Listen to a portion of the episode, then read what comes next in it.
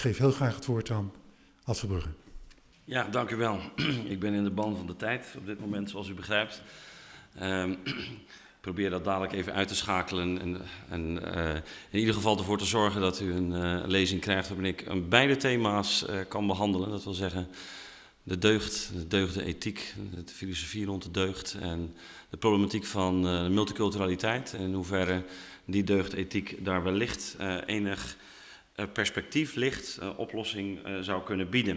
Ik heb overigens niet de illusie dat het allemaal zo simpel ligt. Maar toch uh, wil ik vandaag een poging doen om enige zaken in kaart te brengen. Ik zal dat doen op de volgende manier. In de eerste plaats wil ik u een, een, korte introductie geven in die zogenoemde deugdethiek. En de geschiedenis daarvan en de grondgedachten van die deugdethiek. Vervolgens zal ik eh, kort proberen te schetsen wat naar mijn mening de problematiek is waarin wij momenteel in de postmoderne samenleving terecht zijn gekomen. En in hoeverre, uh, het eerste deel, het concept van de deugd, daar wellicht uh, een uitweg zou kunnen bieden, of in ieder geval een, een oplossingsrichting zou kunnen behelzen. Waarbij ik tegelijkertijd evenwel ook op de problemen zal wijzen. Zoals gezegd, ik ben niet een man van eenvoudige oplossingen. Die deugdethiek die gaat mij ook bijzonder aan het hart, want het, het, is eigenlijk een thema waar ik mij de afgelopen 15 jaar uh, vrij uh, diepgaand mee bezig heb gehouden. Aanvankelijk eigenlijk beginnend bij een studie naar mijn proefschrift onderzoek naar Heidegger en de wortels van Heideggers denken. kwam ik gaandeweg uit op Aristoteles en me in zijn denken gaan verdiepen. En een belangrijk boek dat hij geschreven heeft, Ethica Nicomachea, dat heb ik echt doorgeworsteld en doorgeploegd. Ook daar mijn eigen taal uh, ingezocht, een eigen interpretatie proberen te ontwikkelen. Om van daaruit uiteindelijk weer naar Heidegger te gaan. En je zou kunnen zeggen dat de weg die ik in, in die periode heb afgelegd, ook een weg is die op een bepaalde manier ik nog steeds toepas wanneer ik een aantal problemen probeer te analyseren. Uh, of dat nou de situatie in het onderwijs is, of de problematiek rond management in, of, type van management in organisaties. Steeds kom ik eigenlijk weer terug op inzichten ook die ik verkregen heb door de bestudering van Aristoteles.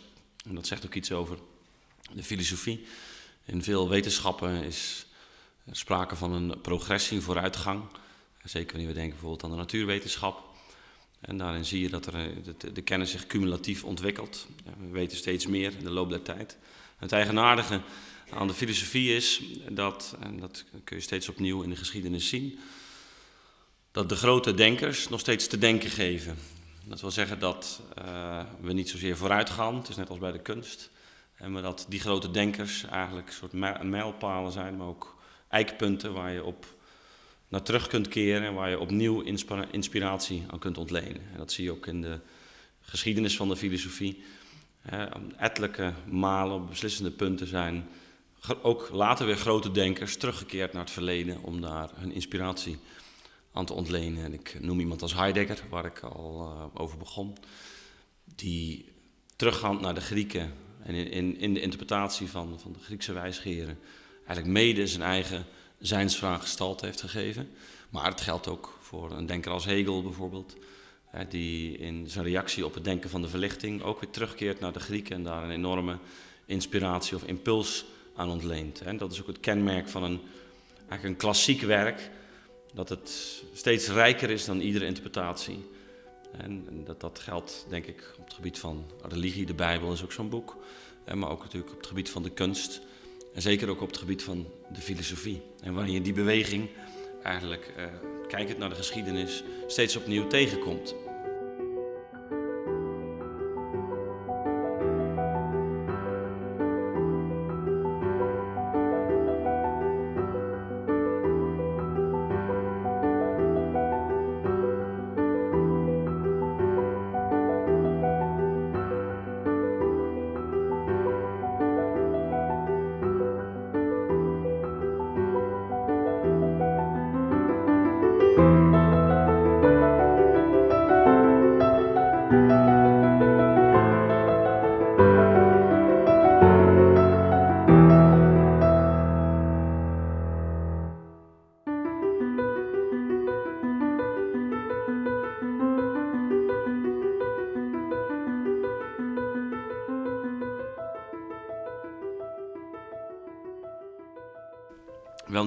Voor mij is het dus ook zo gegaan. Uh, Aristoteles is echt een inspiratiebron. Dus wanneer ik praat graag over Aristoteles, dat ik daar heel enthousiast over word. Maar ook omdat ik eh, daar inzicht heb ontwikkeld.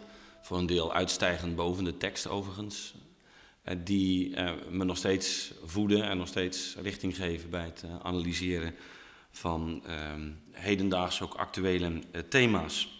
Nou, ik ben druk bezig met een boek over Aristoteles. Dat is in manuscript eigenlijk al klaar. Het had er voor, uh, volgende maand moeten zijn, maar gezien al mijn activiteiten, met name rond uh, beter onderwijs in Nederland, wordt dat waarschijnlijk iets later. Dus ik hoop dat het na de zomer dan uiteindelijk in de boekhandel ligt. Mogelijk wordt dat ook nog een moment waarin ik te zijn tijd weer eens opnieuw Zeeland zal aandoen. Hoewel um, deze locatie mij ook niet onbekend is. Dit is meen ik de derde keer dat ik hier verkeer. En Het is voor mij natuurlijk altijd een, een, een, nostalgische reis, zo met de trein richting het Zeeuwse. En dat deed ik al vanaf mijn achttiende. En nog steeds herken je dan de stationnetjes natuurlijk die voorbij komen.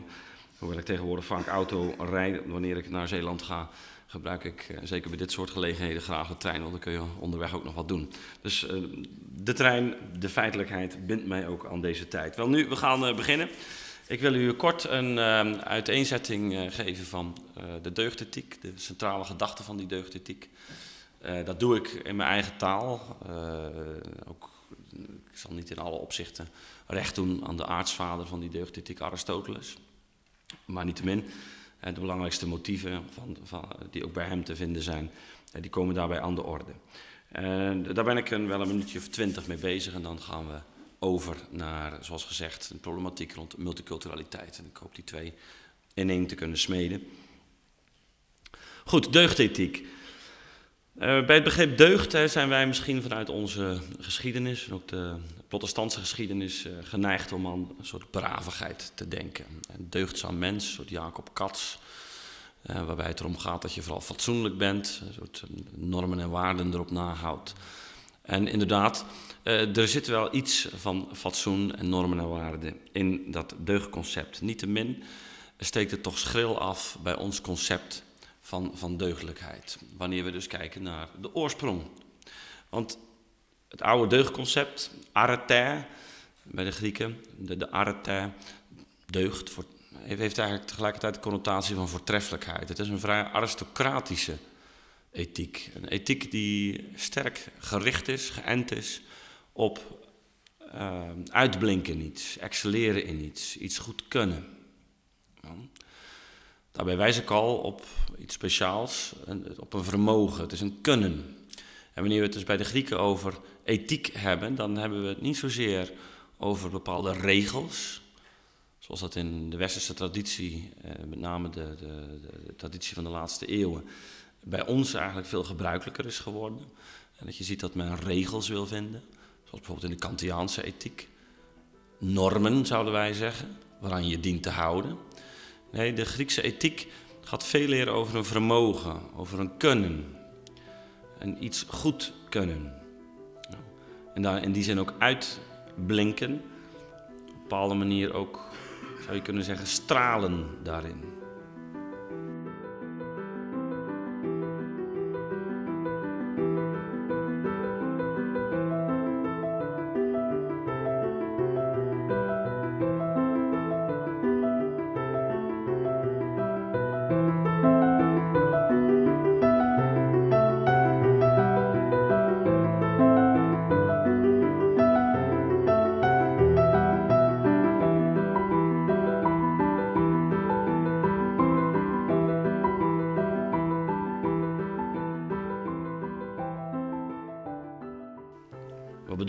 Dat ook in die deugdethiek sprake is van Aristoteles, die Griekse gedachte van winnen en verliezen. Het is een ethiek die een agonaal, een strijdbaar karakter heeft. Strijd ook letterlijk soms, wanneer de eerste deugd de moed wordt genoemd bijvoorbeeld. moet bereid zijn iets op het spel te zetten. Maar ook uh, strijdbaar in de zin dat, dat een mens daadwerkelijk iets moet doen En dat daarbij een beroep wordt gedaan op, zoals gezegd, een bepaalde excellentie, een voortreffelijkheid. En de een beter is dan de ander. Dat is een andere deugdbenadering dan die welke we in de uh, christelijke traditie tegenkomen. Niettemin is geprobeerd, en daar zal ik dadelijk ook nog over zeggen, ook dat deugddenken in de middeleeuwen te integreren in die Europese traditie. Maar ik begin met de wortel. De Griekse deugd en het Aristotelische deugdconcept. Dus houdt u vast, het wijkt af van ons begrip van ethiek. Het is ook niet een deugd in de zin van simpelweg bravigheid. Het heeft iets met kunnen, vermogen te maken, met voortreffelijk zijn, met excelleren. En als zodanig wordt ook wel gezegd, en dat zie je ook wanneer je die ethiek doorneemt, dat er een duidelijk aristocratisch element in die ethiek zit. Nou, iets wat eigenlijk behoort bij een bepaalde klasse. De goede hogere middenklasse of de aristocraten.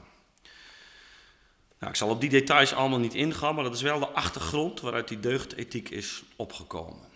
Nou, wat zie je dan wanneer Aristoteles eh, zijn deugd gaat ontwikkelen? Dat doet hij in de eerste plaats door eigenlijk de vraag te stellen: wat is het hoogste goed waar een mens op uit is?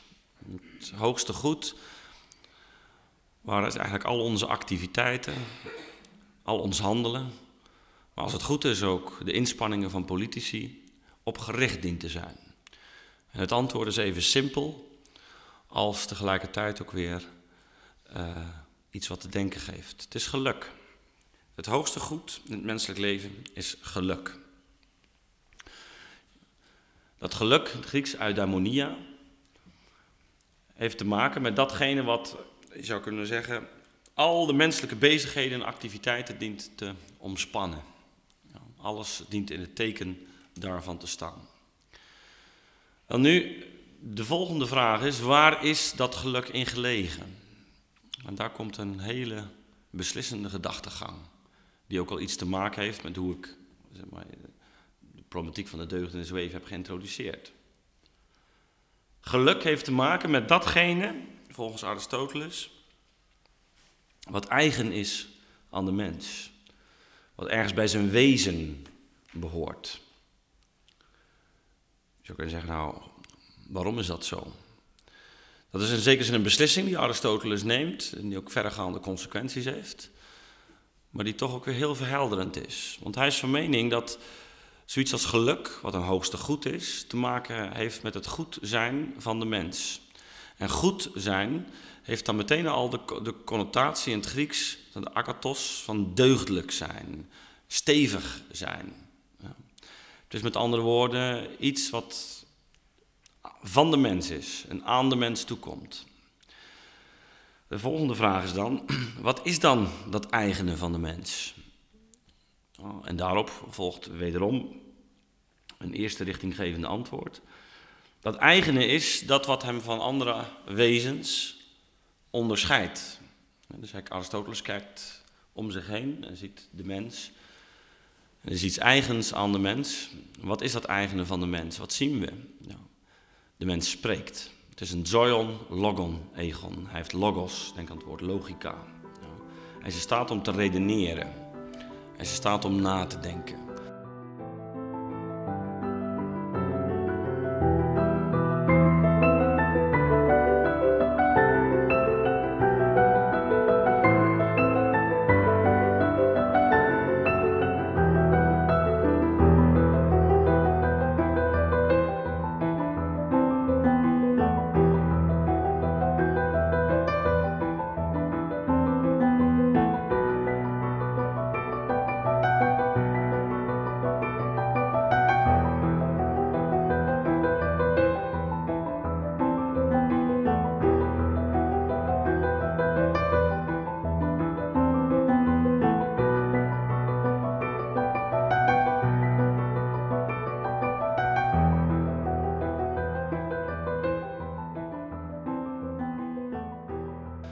Dat niet meteen theoretisch begrijpen, wanneer ik zeg redeneren en nadenken. Nee, het is ook dat spreken dat we hier gewoon met elkaar doen. We bespreken zaken, we denken aan de dag van morgen. We vertellen dingen die gebeurd zijn. En we kwalificeren daarin bijvoorbeeld een stand van zaken. Of iets goed gaat of iets slecht gaat, of iemand iets goed gedaan heeft, of het beter kan of het slecht gaat. Zo zegt Aristoteles, die logos, die log, dat logische, dat heeft dus te maken met dat wat eigenlijk ons in staat stelt ook om goed en slecht van elkaar te onderscheiden. Ik zeg bewust geen niet goed en kwaad, maar goed en slecht. Dat wat iemand ten goede komt en ook dat wat iemand schaadt. Iemand die iets doms doet of kinderen die dingen doen, dan zeggen we ook, ze hebben nog niet goed nagedacht. Ze zijn onbezonnen. Nou, en die onbezonnenheid, die komt als het goed is met de jaren, doordat dat denken zich ontwikkelt. En dat is ook een praktisch denken, waarin je in staat bent vooruit te kijken. Waarin je in staat bent om je eigen handeling te kwalificeren, te weten wat je doet. En dan gaan we meteen al een stap verder, want we begonnen met het eigene van de mens, daarin zou het geluk moeten eh, gelegen moeten zijn. De volgende gedachte is dat dat eigene niet zozeer te maken heeft met hoe ik eruit zie, maar denkt u aan die logos, maar met iets wat ik doe, met een activiteit.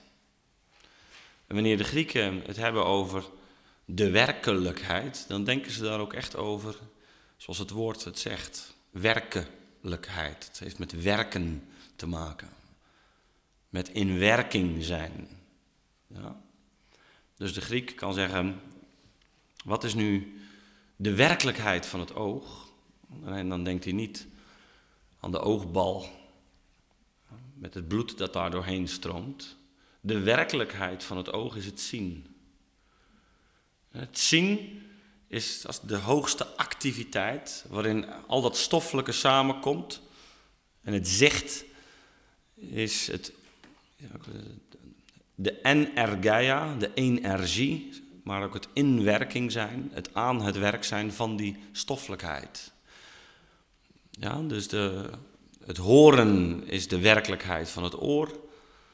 Het zien is de hoogste werkelijkheid van, waarin het oog samenkomt. Ja. En zo is er ook een werk, een werkelijkheid van de mens. Een eigen werkelijkheid. En die hangt dus samen met logos, met redeneren. Met dat we kunnen denken, dat we iets kunnen bespreken, dat we iets kunnen kwalificeren en dat we ook door dat denken op dat goede gericht kunnen zijn. Of op, op iets goeds, in de meest brede zin van het woord. Wel nu, ik zei het zo even al, die logos heeft dus ook te maken met dat wat we doen en gedaan hebben.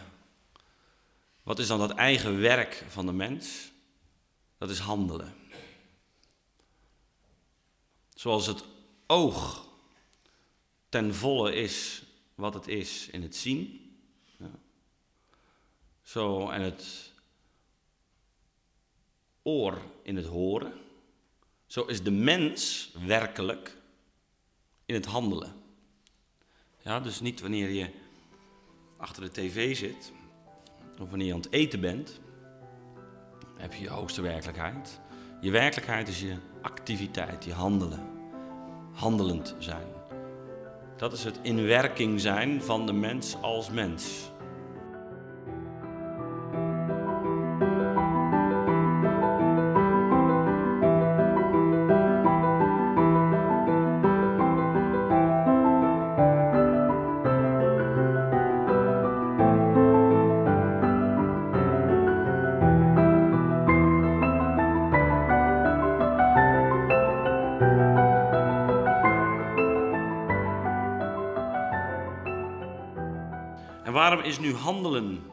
Van de mens? Omdat een dier wel iets kan doen, maar het kan niet handelen. Voor handelen is namelijk reden nodig. We spreken ook van handelingsonbekwamen. Hè? Waarom worden ze handelingsonbekwaam? Dat ze eigenlijk niet meer weten wat ze doen. En dus handelen heeft te maken met het vermogen te kunnen denken, te redeneren, je eigen uh, doen en laten te kunnen inschatten, kwalificeren, situatie kunnen inschatten, overleggen en daarbinnen dus uiteindelijk tot een besluit komen. Goed. We zijn alweer een stap verder. De hoogste werkelijkheid van de mens, en dat is tegelijk, tegelijkertijd zijn voltooiing of zijn ten volle zijn, Dus het is te zijn in de hoogste graad. Dat is het handelen. Daarin zijn we pas ten volle mens. Dat is de deugdethische gedachte. We zijn ten volle in het handelen, maar dat handelen is tegelijkertijd iets wat natuurlijk goed dient te gebeuren. En het hoogste goed, geluk, is pas daar werkelijk, in de zin zoals ik het zo even gezegd heb, wanneer er goed gehandeld wordt. Ik begon zo even over dat vermogen. Ik kan zeggen, deugd is nu de naam voor dat vermogen, beter eigenlijk nog een houding, van waaruit je in staat bent goed te handelen. En doordat je daar, daartoe in staat bent, breng je dus een activiteit voort. En in die activiteit ligt jouw geluk. Ja? Je zegt, nou, dat, klinkt, dat klinkt wat vreemd in de, in de oren. Nou, zo vreemd is het niet. En wanneer je denkt aan een muzikant, of je denkt aan een voetballer, ja, wanneer voelt hij zich nou goed in zijn vel zitten? Dat is wanneer hij kan muziceren. Of wanneer hij kan voetballen. En een voetballer raakt gefrustreerd wanneer hij door een blessure aan de kant moet zitten of wanneer hij niet wordt opgesteld. Dan wordt hij boos. Nou, nou, zo daar moet je het mee vergelijken. De werkelijkheid van de voetballer is het voetballen. En in die, in die activiteit, daar ligt een, zeker genoegen. Daarin vindt hij, je zou kunnen zeggen, voldoening. Daarin is hij ook ten volle. Nou, nou, zo gaat het hier in een bredere zin precies om die gedachte dat in het handelen de mens een vermogen uitoefent, die deugt, en dat hij in dat handelen zijn geluk vindt. Ja, er is ook wat eh, recentelijk het een en ander gepubliceerd, ook de psychologie, de, flow, u heeft er misschien ook al eens over gehoord, hè, dat het belangrijk is dat mensen bij hun activiteit of bezigheden een flow hebben. dat ze in een soort stroming komen, waarin eigenlijk, ook, ook al zijn er dingen zwaar, waarin ze ergens toch uh, niet onder stress gedaan worden. En ook een zekere voldoening geven en ook een energie geven. Dat is de flow waarin je je werk doet. Nou, voor een deel sluit dat eigenlijk ook aan bij zo'n Aristotelisch concept. Dat je in de uitoefening van dat vermogen zelf ten volle bent. En dat, dat, dat daar ook uiteindelijk een bepaald genoegen mee gepaard gaat. Nou, want dat heeft te maken met de eigen aard van dat vermogen. Je zou kunnen zeggen dat de, de gedachte nu is, van die deugdethiek, dat wij een houding hebben. Ik zal daar dadelijk nog iets meer over vertellen. Maar dat we in die houding ook streven naar de voltrekking van die houding. Zoals de voetballer uit is om voetbal te spelen, zo is degene die die deugden heeft, ook uit op het in de praktijk brengen, weer een Grieks woord, praxis, handelen, in het handelen brengen.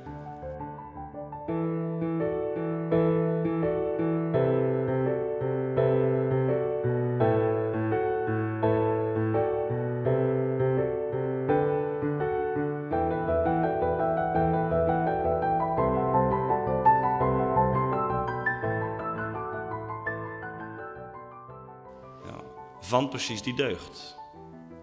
En als we dan denken, ik zal er dadelijk nog iets meer over zeggen, maar aan een paar van die deugden, vrijgevigheid, kalmte, maar ook trots of vriendelijkheid, dan is de gedachte dat in het vriendelijk zijn, in het vrijgevig zijn, in het kalm zijn, in het moedig zijn, als zodanig, ja, een genoegen ligt, maar dat ook de moedige uit is erop uit is om moedig te zijn. En de kalme erop uit is om kalm te zijn. Kortom, het heeft ook met een motivatiestructuur te maken. Wat motiveert je? Wat zet je in beweging? En die houding heeft dus een bepaalde gerichtheid. Waardoor je op bepaalde wijze bent ingesteld op de wereld om je heen. je bent zo ingesteld dat je in zekere zin uit bent op dat type handelen. Ja, dat is de, de gedachte. En je bent ook in staat om dat te doen. En dat betekent tegelijkertijd dat je eigenlijk houdt van die handelingen. De voetballer houdt van voetbal. De violist houdt van viool spelen. En zo geldt ook dat de moedige ervan houdt moedig te zijn en de vriendelijke ervan houdt vriendelijk te zijn. Daar is tegelijkertijd een concept aan gekoppeld van genot of genoegen. En dan kijken we naar de Europese traditie, en dat geldt zelfs voor de uh, psychologie. Dan zie je heel sterk de neiging, nou, ik zeg nu Europees, uh, alsof de Grieken daar niet bij zouden horen, maar ik maak een onderscheid tussen dat wat in de nieuwe tijd gebeurt en wat in de antieke tijd gebeurt. Dan zien we in die, nieuw, die nieuwe tijd, dat, het avondland, dat daar sterk de neiging bestaat om zoiets als genot of lust, onlust, als een soort laatste gegevenheden te nemen. Ja. Het genoegen, ja, mijn gevoel, dat is er. Dat is er nu eenmaal. Voor Aristoteles is van, van belang om te zien dat lust en onlust, genot en pijn, of genoegen en ongenoegen, nog scherper, dat die verbonden zijn met dat ingesteld zijn, met die houding. En dat hij dus ook dat niet als laatste gegevenheden interpreteert. Evenmin dus het hele gevoelsleven niet als een laatste gegevenheid. Hoe ik door iets word geraakt, getroffen, of ik boos word, dat ik juist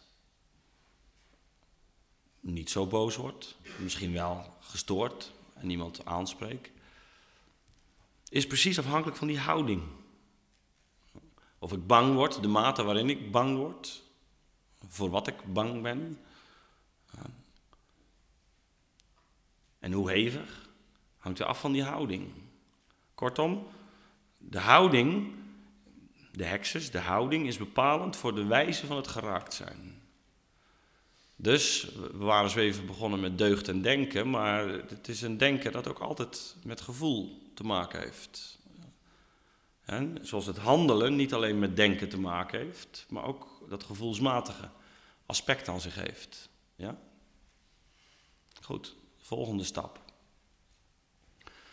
Die houding die verkrijg ik door gewenning, door gewoonte. Ook weer niets nieuws. De voetballer leert voetballen door te voetballen. De violist leert viool spelen door viool te spelen. En zo is het ook. De moedige wordt moedig door moedige handelingen. Doordat hem voorgedaan wordt, doordat hij daar uh, in zekere zin wordt opgelegd. En daarin krijgt hij de juiste houding, waarin hij voor de juiste dingen bang wordt. Ja? Dus, en, en, zodat hij ook weer niet driest wordt, overmoedig.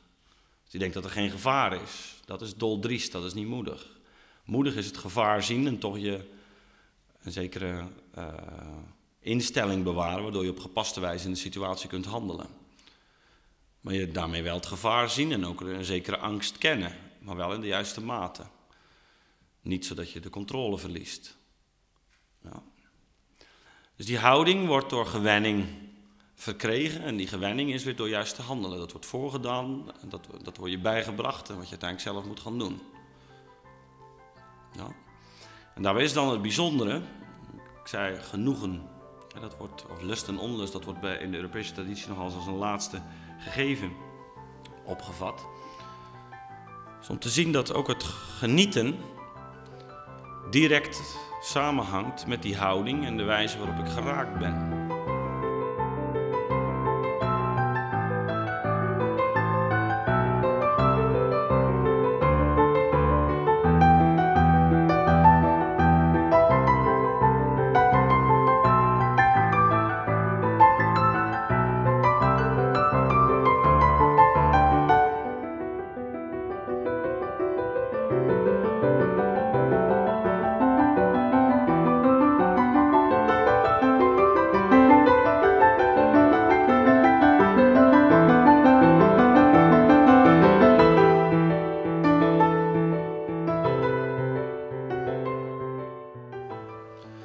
Definieert Aristoteles dan genieten? Op een bijzondere manier. Wij zijn zoiets als genot of lust als gewend om dat als een soort laatste gegeven te nemen, zoals gezegd. Dat is bij hem niet. Hij zegt, Wat is genot? Wat is genoegen? Het is de aanwezigheid van dat wat je lief hebt. Dat is een mooie definitie. Je kunt van iemand genieten, omdat je ervan houdt. Kortom, in dat genot zit, manifesteert zich ook die liefde. Maar zo houdt de paardenliefhebber van paarden en geniet van de mooie paarden te zien. En de voetballiefhebber geniet van het voetbal. En zo is het ook bij de moedige. Houdt ervan, dat is dat streven naar, houdt ervan moedig te zijn. En schept genoegen in, geniet van die handeling. Ja, daar zit ook dat Griekse levensbeamende in. Er zit zeker genot in het genieten van dat handelen. Ja, dat dan op voortreffelijke wijze dient plaats te vinden. Dus we komen nu ook in een situatie waarin eigenlijk, zou je kunnen zeggen, in de vorm van het menselijk handelen zelf de hoogste vervulling ligt. De mens, je bent niet meer zozeer op iets uitwendigs gericht, uitwendige omstandigheden. Die uitwendige omstandigheden vormen vele, de situatie waarin je op bepaalde deugdelijke wijze kunt handelen. Natuurlijk, wanneer ik niet veel geld heb, zal ik moeilijk vrijgevig kunnen zijn. Dan is vrijgevigheid ook iets anders dan voor degene die steenrijk is. Wanneer ik fysiek niet sterk ben, dan is moed wat anders dan wanneer ik sterk ben. Wanneer ik, ehm, kortom, in een bepaalde situatie verkeer, dan zijn moed, kalmte en vriendelijkheid afhankelijk van mijn vermogens en die situatie steeds anders. Nu zie je het al, het gaat niet meer louter om regels waarmee ik begonnen was. Het gaat er zeker zin om om een zelfkennis, waarin je weet wat je kunt en wat je niet kunt. En daarbinnen op gepaste wijze weet te handelen in de situatie. Zodat een, een, dergelijk, een dergelijke houding, die je alleen maar algemeen kunt aanduiden als moed, of vrijgevigheid, of kalmte, ja, naar voren komt. Tegelijkertijd geeft dat aan dat ik ook minder afhankelijk ben van die uitwendige omstandigheden. Ik word minder snel getroffen door het lot. Mijn geluk is niet meer zozeer afhankelijk van hoeveel geld ik heb, hoeveel rijkdom ik heb. Ik kan best wat verliezen, dan hoeft mijn leven niet vergooid te zijn. Waarom niet? Omdat in die handeling zelf, in die wisseling van de omstandigheden, ik ook weet dat de uiterlijke omstandigheden kunnen veranderen. Dat ik daarin nog steeds op gepaste wijze zelf kan handelen en daarin ligt mijn voldoening.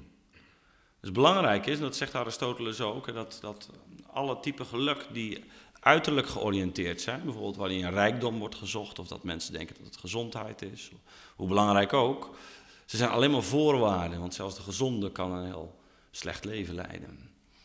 Ja, kan ook zeer ongelukkig worden.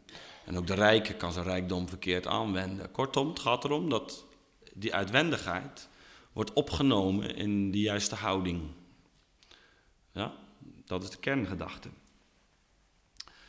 En dat is dus de, de, de manier waarop dat, die eudaimonia, dat geluk, dat welzijn, eigenlijk wordt begrepen. Het is, het is ook echt meer welzijn dan een extatisch gelukmoment. Wat, wat niet dat Aristoteles dat zal ontkennen, dat bestaat ook, maar we vragen hier eigenlijk naar geluk en dan hebben we het over dat wat een langere tijdspanne betreft. Dus meer wat in de buurt komt van wel, welzijn. Ja, waarin je een, een zekere, eh, zou je kunnen zeggen, grondhouding hebt. Ja, dat, is de, dat is de gedachte. Dus, het is een wijze van ingesteld zijn. Wanneer ik op een bepaalde manier geraakt ben. En wel afwisselend wisselend in de situatie, maar wel zoals het nodig is, wanneer het nodig is, de mate waarin het nodig is. Ja. Afhankelijk ook natuurlijk precies wat, wat zich voordoet in zo'n situatie. En de houding is dan de gepaste wijze, althans de deugdelijke houding, is de gepaste wijze van reageren. Die houdt het midden, zegt Aristoteles, tussen een doorslaan en een tekortschieten. Moed is het midden tussen driestheid en lafheid. Ja. En zo krijg je ook kalmte, is het midden tussen driftigheid en onaangedaan, ongevoelig zijn. Nou, waar je alles maar laat gebeuren. En zo is vrijgevigheid het midden tussen ik speel ziek en gierigheid. Ja, zo, ga, zo is het een houding die iedere keer een middenmaat betreft.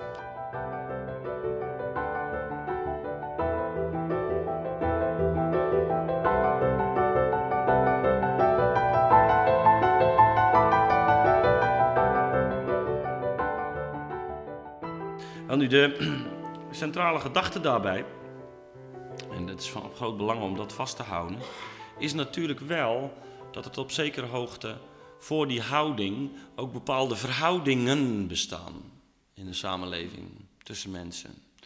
En bepaalde omgangsvormen die daarbij horen. Het heeft pas zin om over moeten spreken wanneer we denken in termen van gevaar, van een vijand en de, de juiste manier waarop je daar mee om dient te gaan, uh, al dan niet vluchten, in welke situatie. Kortom, dat is, je hebt vormen nodig ja, die bestaan.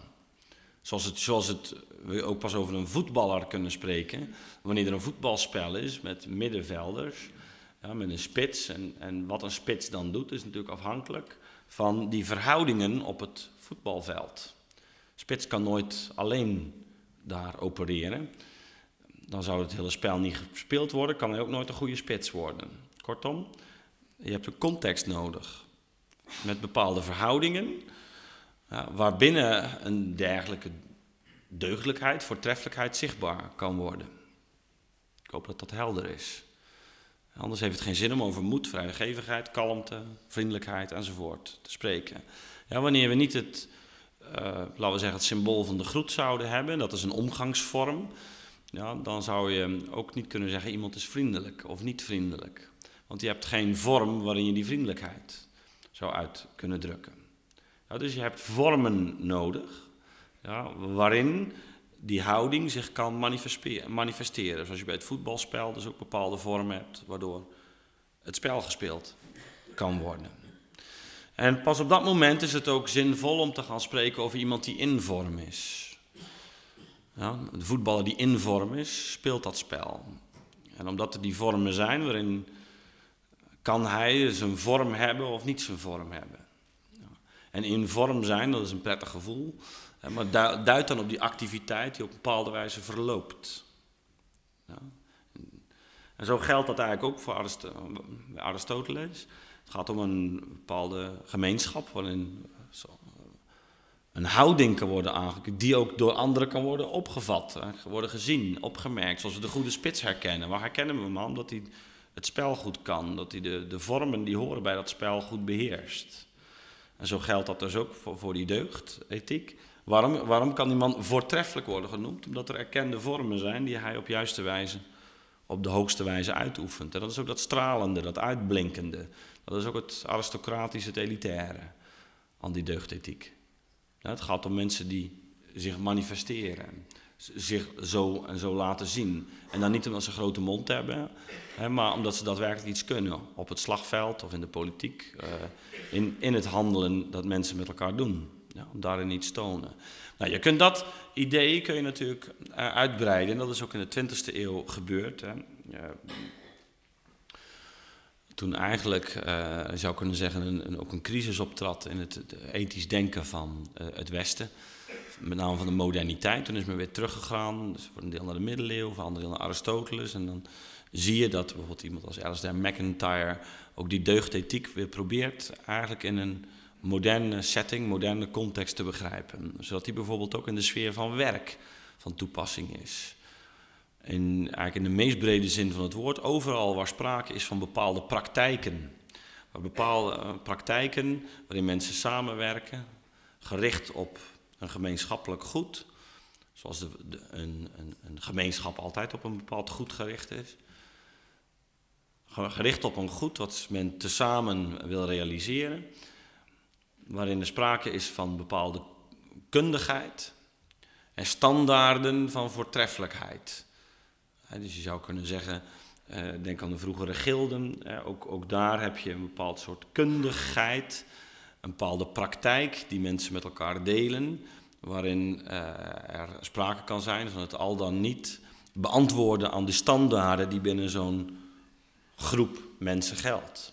Dat geldt natuurlijk ook voor voor leraren, dat geldt ook voor uh, artsen, dat geldt voor allerlei beroepen. Daar kun je in een beroep ook bepaalde standaarden hebben van hoe je eigenlijk die vormen dus, die je op een bepaalde manier kunt beheersen. De gedachte is dan dus dat, dat je eigenlijk overal waar daar van sprake is, je ook een soort, soort, soort deugd ethisch denken zou kunnen toepassen. Waarbij mensen erop uit zijn om binnen zo'n beroep, ja, organisatie, ook rechtvaardig te zijn ten opzichte van de, van de ander. Zelfde maatstaven te hanteren, maar ook een zekere moed aan de dag leggen om het gemeenschappelijk belang te beschermen, maar ook te beschermen voor uh, het, het corrumperen van zo'n uh, van zo'n goed. Hè, zoals de, de goede voetbaltrainer in zekere zin ervoor zorgt ook uh, dat, dat ze mannen in een rustige omgeving kunnen trainen. Ja, zo heb je dus ook, een, zou kunnen zeggen, een hele deugd, dat deugdethische denken dat ook meer op zo'n context wordt toegepast. Van kunnen we die activiteit, die werkelijkheid waar ik over begonnen, kunnen we die uh, begrijpen vanuit een houding die je eigen dient te maken, waarin je in die activiteit je, tot, een, tot je uh, zelfrealisatie komt. En ik denk dat dat een beroep, zeker in de, in de Europese context, wel op die manier begrepen kan worden. Dat zouden de Grieken overigens niet doen. maar dat is wel iets wat, uh, wat ook in die moderne tijd gebeurt. Daar kan er een heleboel over zeggen.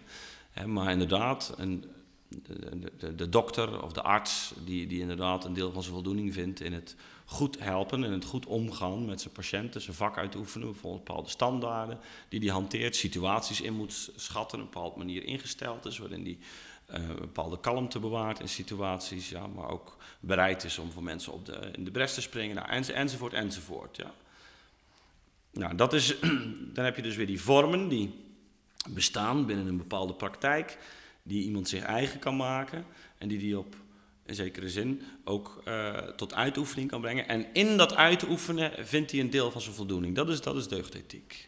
Het ligt eigenlijk een deel van zijn geluk. Ja, dan niet wat, door het salaris wat hij ermee verdient of door de macht die hij ervoor krijgt, maar eigenlijk in de liefde voor die activiteit zelf om dat zo goed mogelijk te doen. Ja, dat, is de, uh, dat is deugdethisch denken. Tot zover het eerste deel van de lezing van Ad Verbrugge die hij gaf in de aula van de Zeeuwse Bibliotheek onder de titel Deugden en Multiculturaliteit. De deugd ethisch denken hebt u net kunnen horen. In een volgende aflevering gaan we naar het tweede deel van de, van de lezing, waarin hij het vooral heeft over de multiculturaliteit. Ad Verbrugge, filosoof en docent aan de VU in Amsterdam.